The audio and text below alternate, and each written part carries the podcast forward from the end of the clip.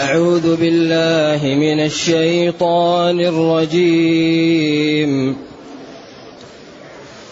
إن في خلق السماوات والأرض واختلاف الليل والنهار لآيات.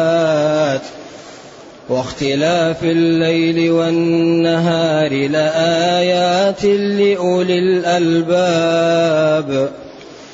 الذين يذكرون الله قياما وقعودا وعلى جنوبهم ويتفكرون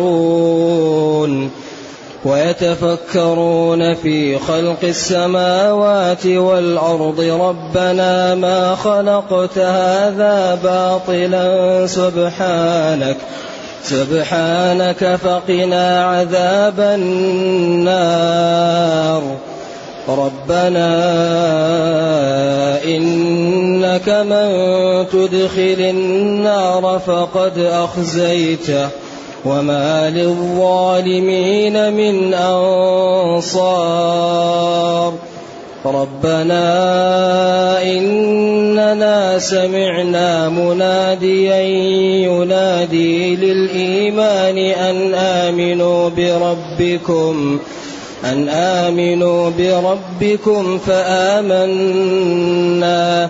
ربنا فاغفر لنا ذنوبنا وكفر عنا سيئاتنا. وكفر عنا سيئاتنا وتوفنا مع الأبرار. ربنا ما ربنا وآتنا ما وعدتنا على رسلك ولا تخزنا ولا تخزنا يوم القيامة إنك لا تخلف الميعاد. الحمد لله. الحمد لله الذي أنزل إلينا أشمل كتاب وأرسل إلينا أفضل الرسل. وجعلنا خير أمة أخرجت للناس. فله الحمد وله الشكر على هذه النعم العظيمة والآلاء الجسيمة. والصلاة والسلام على خير خلق الله وعلى آله وأصحابه ومن اهتدى بهداه. أما بعد فإن الله تعالى لما بين ما بين من الأحكام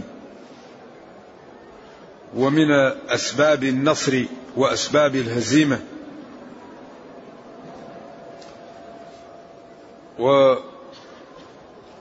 وقربت السورة من الانتهاء. كان يأتي بتفصيلات فأتى بأمور عامة تؤذن بالانتهاء. بأن هذه السورة أو هذا المقطع قد ينتهي. لذلك هذا الكتاب وصل من الجمال والحسن. والبلاغه والإعجاز الشيء الذي إذا أراد الواصف أن يصفه عجز عن جماله. فلذلك قال هنا إن في خلق السماوات والأرض إن حرف توكيد في خلق في إيجاد السماوات هذا الجرم والأرض هذا الكوكب الذي نحن نكون عليه. واختلاف الليل والنهار لآيات لأولي الألباب. كانت الأمور تفاصيل لتبلون وبعدين جزئية يعني فروع. هنا ذكر شيء عام. ولذلك خلق السماء هذا هائل. وهائل أنه مخلوق أيضا من غير عمد من غير أن ترى شيء يحمل عليه السماء. قال تبارك الذي بيده الملك وهو على كل شيء قدير الذي خلق الموت والحياة ليبلوكم أيكم أحسن عملا وهو العزيز الغفور الذي خلق سبع سماوات طباق ما ترى في خلق الرحمن من تفاوت. فخلق السماء هذا أكبر دلالة على القدرة أكبر دلالة على على العلم أكبر دلالة على أنه سيكرم المتقين أكبر دلالة على أنه سيعاقب المجرمين أكبر دلالة على أنه ما أراد يكون. إذا كل الخلق في القرآن فهو إيماء إلى الخالق أو برهان على الخالق دلالة على القدرة دلالة على تنفيذ ما خوف به. دلالة على إيصال ما وعد به المخلصين من النعم أنه سيصل إليهم. إذا هذا الكتاب كتاب يعني يجب على الأمة أن تصله للعالم وأن تعمل المؤسسات والبرامج لإيصال معاني هذا الكتاب إلى الخلق. لأنه لا ي... هذا الكتاب لا يمكن أن يترجم. القرآن لا يستطيع يستحيل ترجمته. لأنه معجز. لكن معانيه وتفسيره قد يترجم التفسير وتترجم المعاني. أما نفس القرآن ما يقدر يترجم. لأنه يحمل من المعاني ومن ال... لأن إذا أريد أن يترجم المترجم ما لا يقول؟ إذا قيل له ترجم لا يرقبون في مؤمن إلا. كيف يترجم كلمة إلا؟ الإل الله الإل العهد الإل اللمعان الإل الحديد الإل الجوار الإل القرابة. فإل لها أكثر من 12 معنى. طيب إذا أراد أن يترجم لا يرقبون في مؤمن إلا كيف يترجمها؟ ذلك هي تنوب عن لا يرقبون في مؤمن أي شيء مما تجعله العادة يرقب. لأن الله تعالى علمه محيط بكل شيء. فاختار لهذا الكتاب أحسن الحروف في أحسن الألفاظ في أحسن المعاني في أحسن النظم. الحروف منتقى الكلمات منتقى المعاني منتقى النظم بين الكلام منتقى. فجمع من الجمال والحسن ما لو اجتمع أهل الأرض عليه لعجزوا. لذلك قال فإن لم تفعلوا ولن تفعلوا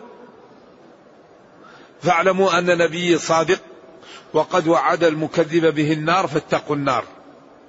إذا تحدي سافر. وجمال ظاهر وحسن لا ينكره إلا من ينكر الواقع. فحري بنا أن نفهم كتاب ربنا وأن نعطيه الوقت وأن نوصله إلى الآخرين من غير أن نجعل عليه من الغبار ومن القترة ما به لا تنصع الرؤيا له, الرؤيا له فيكون سببا في عدم قبول الناس له نتيجة لما وضعناه عليه من القتار والغبار الذي حجب عنهم رؤية هذا الدين الحقيقية. إذا يقول جل وعلا إن في خلقي أي في إيجاد السماوات السماوات جمع سماء والسماء في اللغة كل مرتفع. وقد يسمى كل مرتفع سماء. وإنما الفضل حيث الشمس والقمر والسماء تقال لكل مرتفع ومنه قوله تعالى فليمدد بسبب إلى السماء إلى السقف.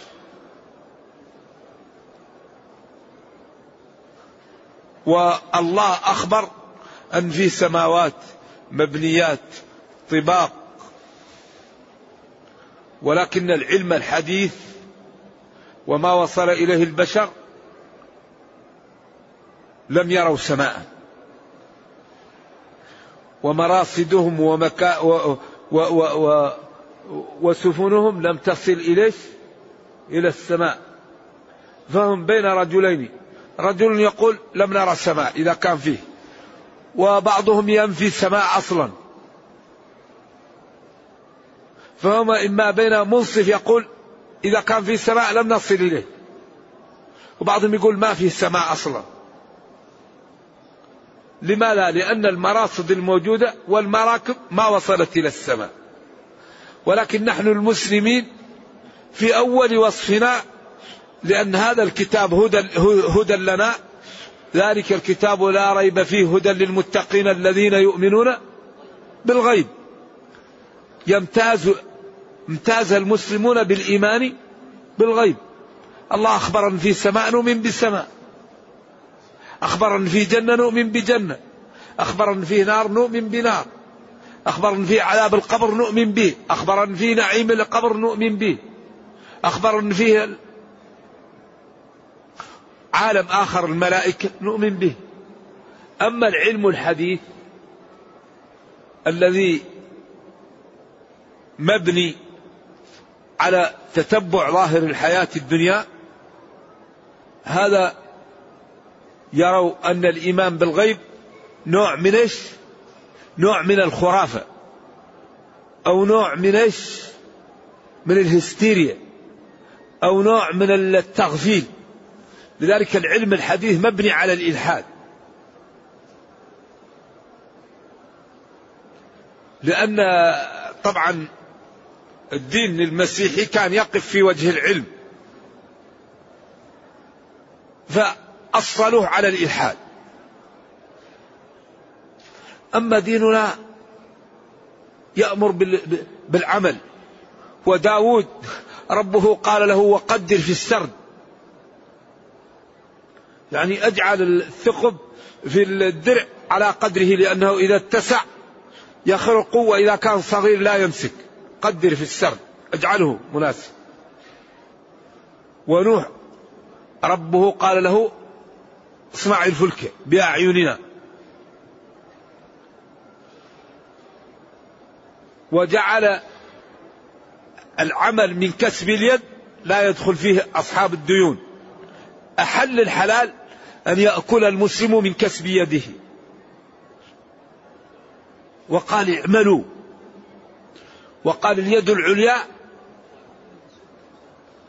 فديننا دين عجيب لكن نحن نائمون الأمة المسلمة مصابة بشيء مثل النوم أو أو التخدير.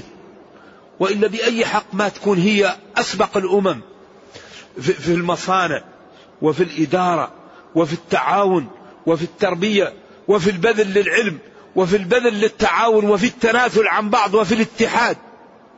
بأي حق تكون الأمة المسلمة ممزقة بين الأمم أشلاء؟ وتكون تزهد في العلم وتزهد في في أصحاب المروءة وتزهد في الإنتاج. بأي حق؟ يجب على الأمة المسلمة أن تعمل بدينها. ودينها يقول لها ودينها يقول لها ولا تنازعوا. ولا تنازعوا. لأن أكبر ما يقوض الأمم التنازع. ولا تنازعوا. بعدين قال ماذا فتفشلوا إذا حري بأمة القرآن أن تكون في في الصدر وتكون في المقدمة ولا تكون في الخالف. أمة القرآن تكون في الخالف. أمة الكتاب. أمة الله قال خير أمة. كنتم خير أمة. أخرجت للناس. ولذلك أشار إلى الخيرية. تأمرون بالمعروف وتنهون عن المنكر وتؤمنون بالله. لما لا خير أمة؟ لأنكم اتصفتم بثلاث صفات هي أحسن صفة يتصف بها. إذا يقول تعالى إن في إيجاد السماوات والأرض. هؤلاء قال الله تعالى ألف لام ميم. غلبت الروم في أدنى الأرض. وهم من بعد غلبهم سيغلبون في بضع سنين لله الأمر من قبل ومن بعد. ويومئذ يفرح المؤمنون بنصر الله. ينصر من يشاء وهو العزيز الرحيم. وعد الله لا يخلف الله وعده. ولكن أكثر الناس لا يعلمون. يعلمون ظاهرا من الحياة الدنيا. وهذا هو محل الشاهد. قبل قضية الروم يعلمون ظاهرا. بعض المعربين قال إن يعلمون بدل من لا يعلمون لأنه علم متعلق بظاهر الحياة الدنيا وأصحابه غافلون عن الآخرة. فهو علم بدل من منفي لأنه كلا علم. إذا والذي ينفي السماوات هذا ينفي شيء صريح لأن في حديث الإسراء أن النبي صلى الله عليه وسلم مشى معه جبريل. ودق الباب. قال من؟ قال جبريل. قال ومن معه؟ قال محمد صلى الله عليه وسلم. قال أرسل إليه؟ قال نعم. ففتح الباب. إذا السماء مقفولة أبواب. وجعلنا السماء سقفا محفوظا. وبنينا فوقكم سبعا شدادا. إذا هذه نصوص صحيحة صريحة. ما هي قابلة للتكذيب ونقول مجرات لا نهائية ولا في السماء لكن المراكب الموجودة والمراصد ما وصلت إلى السماء وهؤلاء يصدقون ما رأوا وينفون ما لم يروا. ولذلك القرآن أحيانا يأخذهم أخذ لا يمكن أن يتحركوا من ورائها أم خلقوا من غير شيء أم هم الخالقون أم خلقوا السماوات والأرض؟ كل لم يقع. إذا الله هو الخلقكم فينبغي أن تذعنوا لذلك وتعبدوه. دائما يأخذهم بأمور لا يمكن لهم إلا التسليم. يقول لهم وفي الأرض قطع متجاورات. لا تنس قوله تعالى متجاورات حتى لا يقولوا إن هذا الماء مالح. وإن هذا الماء جيد في النبات. يعني الأرض قريبة من بعض حتى لا يقولوا هذه سبخة وهذه طينة جيدة. وفي الأرض قطع تجاورات. إلى أن قال تسقى بماء واحد. طيب الماء واحد والأرض واحدة. من أين جاء التفضيل في الطعم؟ ونفضل بعضها على بعض. في الأكل في الطعم.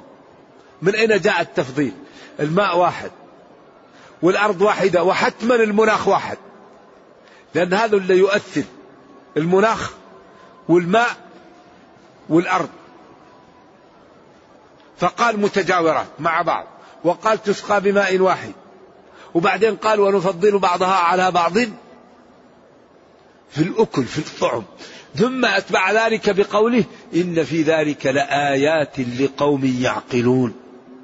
لمن عنده عقل يميز به. فديننا دين لا يمكن ديننا دين عجيب. كل شيء يبينه. يبين التوحيد ويبين التربية ويبين الأحكام ويبين الأخلاق ويبين الإدارة ويبين كيف يجمع المال. كتاب لا يأتيه الباطل من بين يديه ولا من خلفه. تبيانا لكل شيء. فحري بنا أن نعطيه الوقت وأن نتمثله وأن نعمل به وأن نفهمه وأن نتأدب بآدابه وننتهي عن نواهيه ونمتثل أوامره. فإن فعلنا ذلك الله أعزنا في الدنيا ورحمنا في الأخرى. إذا يقول إن في إيجاد السماوات والأرض وبعدين قال السماوات والأرض لأن الأرض جمع الجمع شاذ والقرآن قمة البلاغة. ولذلك قال ابن مالك والأراضون شذ. لأن الذي يجمع جمع مذكر سالم شبه عامر ومذنب. فلذلك السماوات جمعها وقال إن في خلق السماوات والأرض. وقال في الآية الأخرى ومن الأرض مثلهن. ما جمعت الأرض في القرآن. لأن جمعها الذي عملوا العرب على غير إيش؟ الأصل والقرآن قمة في البلاغة وقمة في الحسن والجمال. ولذلك من اقتطع شبرا من الأرض طوق به سبع أراضين.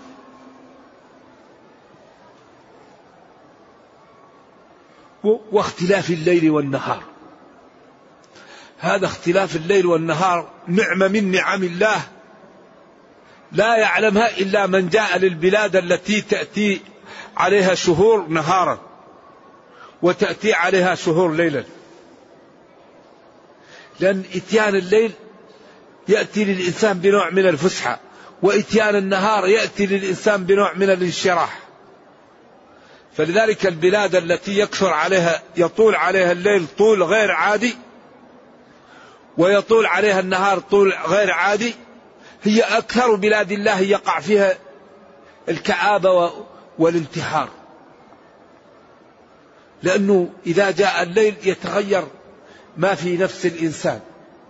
ولذلك قال العلماء الإنسان إذا حزن أول ما يخف عنه الحزن متى متى؟ بعد النوم. إذا نام واستيقظ يجد أنه ما في قلبه خف. لذلك هذا الليل والنهار نعم لا يعلمها إلا الله. ولذلك قال الله جل وعلا قل رأيتم إن جعل الله عليكم النهار سرمدا إلى يوم القيامة؟ من إله غير الله يأتيكم بليل تسكنون فيه. قل رأيتم إن جعل الله عليكم الليل سرمدا إلى يوم القيامة؟ من إله غير الله يأتيكم بضياء؟ ثم قال ومن رحمته جعل لكم الليل والنهار لتسكنوا فيه الليل ولتبتغوا من فضله في النهار. لذلك تجد لو يجتمع أهل الأرض على أن يأتوا بليلة واحدة ما استطاعوا. قالوا كيف الليل يأتي وتجده يأتي ويقرب ويقرب حتى يسد الظلام الأفق. إذا جاء البشر وقالوا لا نحن الليلة نريد أن نجعل العالم ليل. واجتمع كل القوة في العالم وجندوا جنودهم لا يمكن أن يسدلوا الليل على الأرض.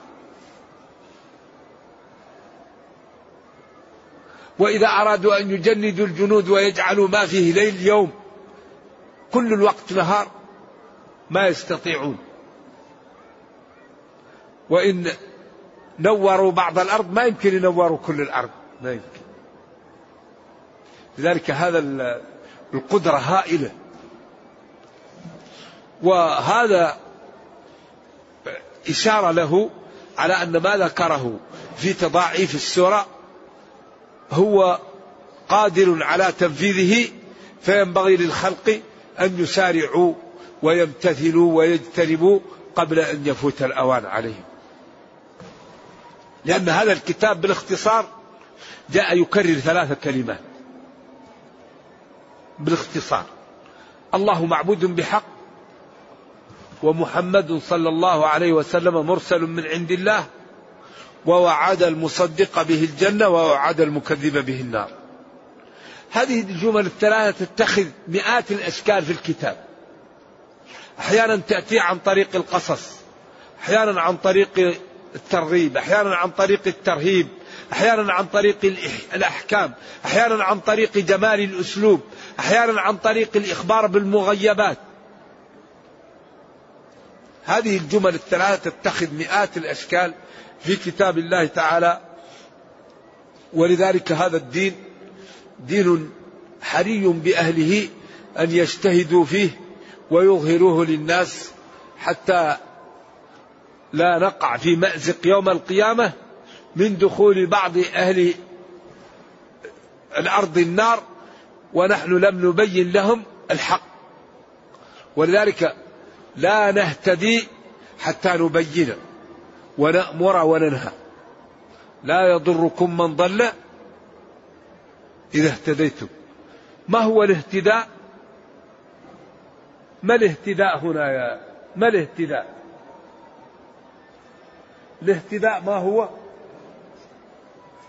الاهتداء الأمر بالمعروف والنهي عن المنكر. لا يضركم من ضل إذا اهتديتم. إذا قلتم يا عبد الله تعال صلي. يا عبد الله ترك أعراض المسلمين. يا عبد الله أغض بصرك. يا عبد الله لا تأكل الحرام. عند ذلك لا يضرك ضلال من ضل. لذلك قال إنكم تقرؤون هذه الآية وتضعونها في غير موضعها.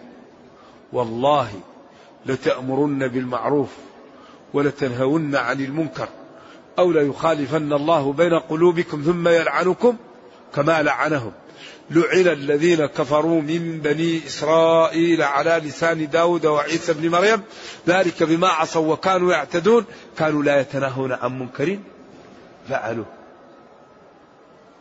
إذا من شرط الاهتداء الأمر بالمعروف والنهي عن المنكر.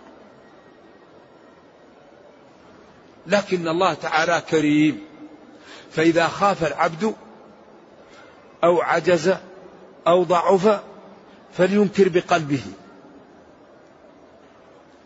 ولذا دين دين يسر دين سماحة دين سهولة دين فسحة. الإسلام لا يهلك فيه إلا هالك. كل ما اضطررت أبواب الأمام مفتحة.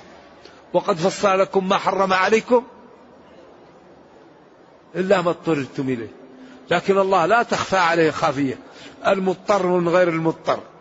الواحد يكون عنده بليون ويقول لك أنا مضطر نرابي. عجيب. عندك بليون ومضطر ترابي.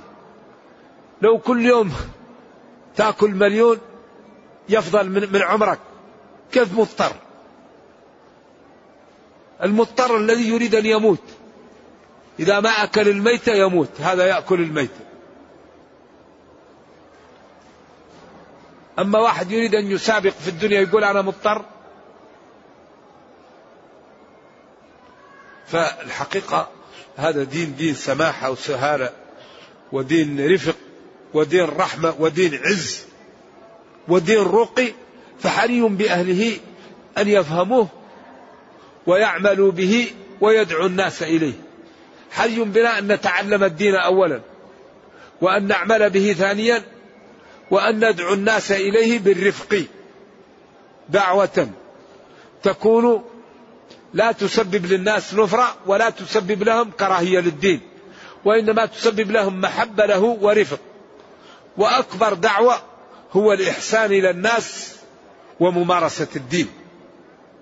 الداعيه الصحيح يمارس الدين ويحسن إلى الناس. لأن الناس جبلت على حب من أحسن إليها. فإذا أكرمت الناس ومارست الدين أحب الدين في شخصك. ولذلك إذا كان المتدين والمستقيم يسيء إلى الناس هذه كارثة. ولذلك قال أكثر ما يرفع درجة الإنسان ما هو؟ حسن الخلق. ينال به الرجل درجة الصديقين. لا يوجد شيء أثقل في الميزان بعد الإمام من حسن الخلق. ولذلك حسن الخلق تجمعه ثلاثة جمل. بذل المعروف وكف الأذى وطلاقة الوجه. هذا هو حسن الخلق. أن تبذل المعروف للناس. وأن تكف شرك عنهم. وأن تلاقيهم بوجه طلق أو طليق. هذا هو حسن الخلق. ولذلك قال ربنا لنبينا صلى الله عليه وسلم وإنك لعلى خلق عظيم. وقال تعالى لقد كان لكم في رسول الله أسوة حسنة. إذا يقول إن في إيجاد السماوات والأرض واختلاف الليل والنهار يطول هذا ويقصر هذا. لآيات لبراهين لأولي الألباب لأولي العقول على صدق النبي صلى الله عليه وسلم وعلى وحدانية الله وعلى أن ما جاء به هذا الدين صحيح. وعلى أن ما وعد به من النعيم المقيم سيقع. وعلى أن ما وعد به من العقوبة للكافرين سيقع. بعدين قال الذين يذكرون الله. بدأ يبين من هم أولو الألباب. ولذلك هذا الدين وهذا الكتاب كل جملة وراء جملة تبين جانب. القرآن من أوله إلى آخره آخذ بحجز بعض. الحمد لمن؟ لله. ما صفاته رب العالمين. الرحمن الرحيم. مالك يوم الدين. ما الذي نعمل معه؟ له نعبد. لماذا؟ لنستعين به على أي شيء؟ ليهدينا. لأي شيء يهديك؟ للطريق. ما الطريق؟ الطريق المستقيم. التي من سلكها؟ سلكها أهل الخير وابتعد, وابتعد عنها أهل الخطأ وأهل الضلال. أهل أعوذ بالله التعنت والخطأ اليهود والنصارى. بعدين قال ألف لام ميم ذلك إيش؟ كتاب ما هذا الكتاب؟ لا ريب فيه. هدى لمن؟ للمتقين. ما صفاتهم؟ الذين يؤمنون بالغيب. طيب الحال هو معهم ناس معهم ناس. ما صفاتهم؟ إن الذين كفروا. بعدين معهم ناس نعم من هم؟ المنافقون ما صفاتهم. بعدين الجميع اعبدوا ربكم. فلا تجعلوا لله أندادا. لا إله إلا الله مفرقة بأدلتها. إذا كل جملة من القرآن وراء جملة إما ترد على سؤال أو توضح أمر أو تزيل شبهة أو تسد نافذة أو تفتح نافذة للخير. فالقرآن كله مثل الجملة الواحدة. ولذلك أمر ربنا بتدبره. قال كتاب أنزلناه إليك مبارك ليدبروا آياته أفلم يدبروا القول أفلم يدبروا القول أم جاءهم ما لم يأتي وقال كتاب أنزلناه إليك مبارك. أفلا يتدبرون القرآن؟ بعدين قال جل وعلا الذين يذكرون الله. إذا لأولي الألباب الذين يذكرون. أو أعني الذين يذكرون أو هم الذين يذكرون. وارفع وانصب إن قطعت مضمرا مبتدأ ناصبا لن يظهر. أولو الألباب الذين صفة أو هم الذين أو أعني الذين. يذكرون الله. يذكرونه باللسان وبالقلب. ولذلك كان يذكر الله على جميع أحيانه. وقد اختلف العلماء هل إذا دخل في محل الخلاء يذكر الله أو لا يذكر الله؟ من العلماء من قال يذكر الله لأنه قال كان يذكر الله على جميع أحيانه. ومنهم من قال لا احتراما لذكر الله لا يذكر. ومنهم من جمع فقال يذكر في هذا المكان بالقلب ولا يذكر باللسان.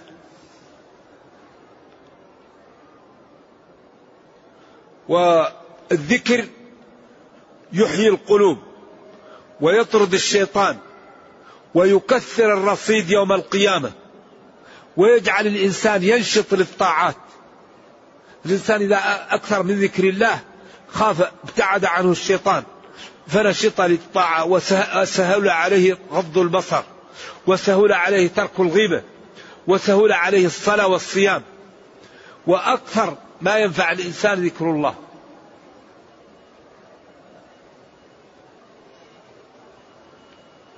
إذا أولو الألباب الذين يذكرون الله. ذكر الله هنا للعلماء في قولان. قول للمقصود به الذكر العادي. ولذلك قال هنا أشار إلى ذلك بأن على جميع الأحايين لأن الإنسان إما ماشي وإما جالس وإما نايم تاكي. إما مضجع أو جالس أو ماشي. فحالات الإنسان كلها وصفها. الذين يذكرون الله قياما وقعودا وعلى جنوبهم أي يذكر الله على جميع أحيانه وعلى جميع هيئاته التي يكون عليها. ولذلك قال له أوصيني قالوا لا يزال لسانك رطبا من ذكر الله. سبق المفردون. وفي بعض الآثار اذكروا الله حتى يقال مجنون. لأنه ومع الأسف الآن كثير من أهل السنة والجماعة وممن أكرمهم الله بالصفاء المعتقد إذا سمع واحد يقول لا إله إلا الله يقول اشبه اسم الله يقول اذكر الله ذكرا كثيرا. إذا سمعت واحد يذكر الله لا إله يقول مسكين هذا الصوفي. عجيب وليش ما يذكر الله إلا الصوفي؟ هذه مشكلة. ذكر الله طيب. وكان النبي صلى الله عليه وسلم يعد له في المجلس لا سبحان لا إله إلا الله سبحانك اللهم وبحمدك ربي اغفر لي مئة مرة في المجلس.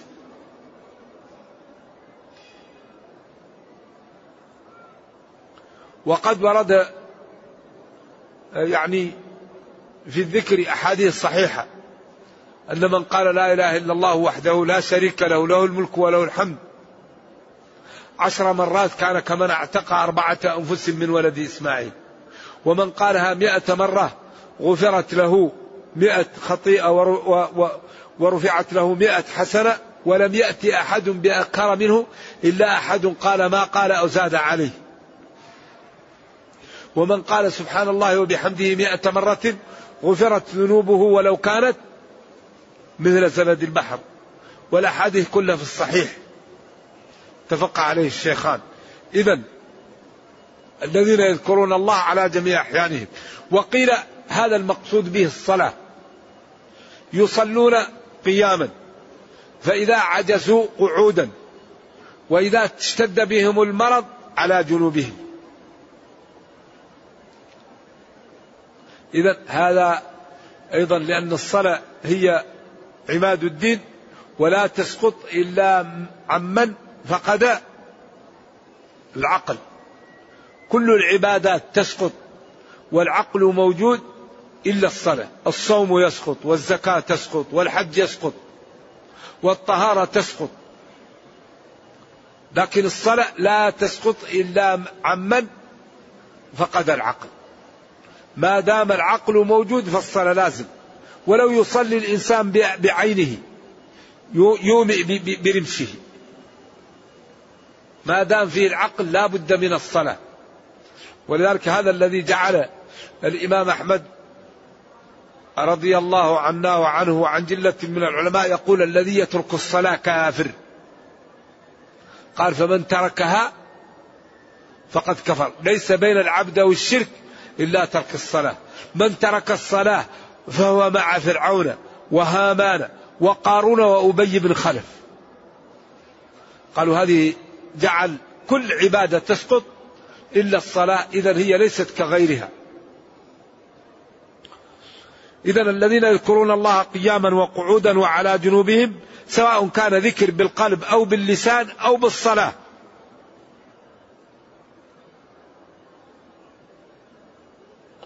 ويتفكرون في خلق السماوات والأرض.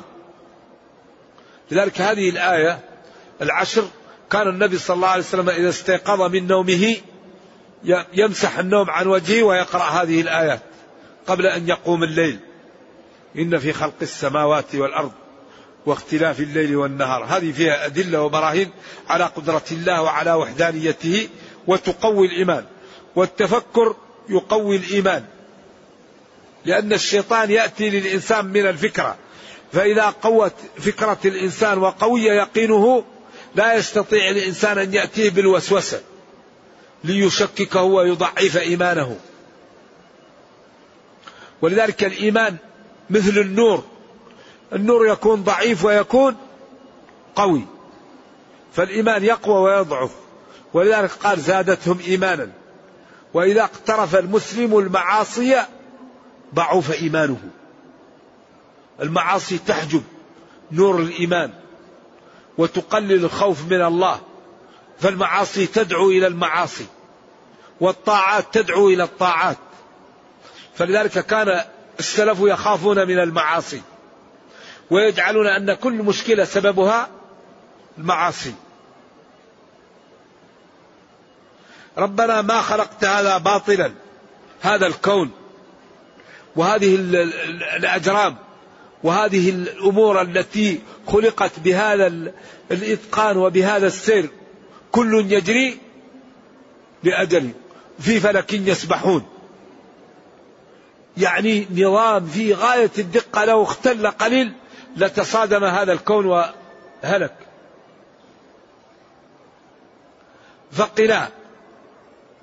يعني أبعدنا وأحمنا من عذاب النار. لأن النار عياذا بالله مصيبة دخولها. ربنا إنك من تدخل النار فقد أخزيته. الخزي. هو الذل والهوان والطرد. يعني كلمة جامعة للوقوع في الورطات والإهانات. مجمع للعذاب والإهانة والاحتقار والألم.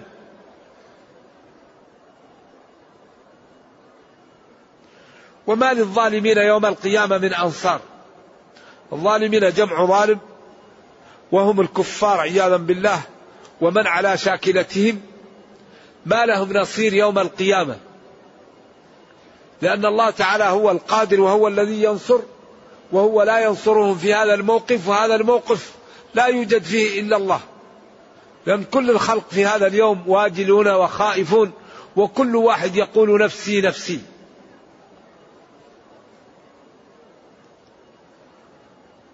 ربنا إننا سمعنا مناديا القران أو محمد صلى الله عليه وسلم واختار الطبري القرآن والخلاف تنوع ليس تضاد.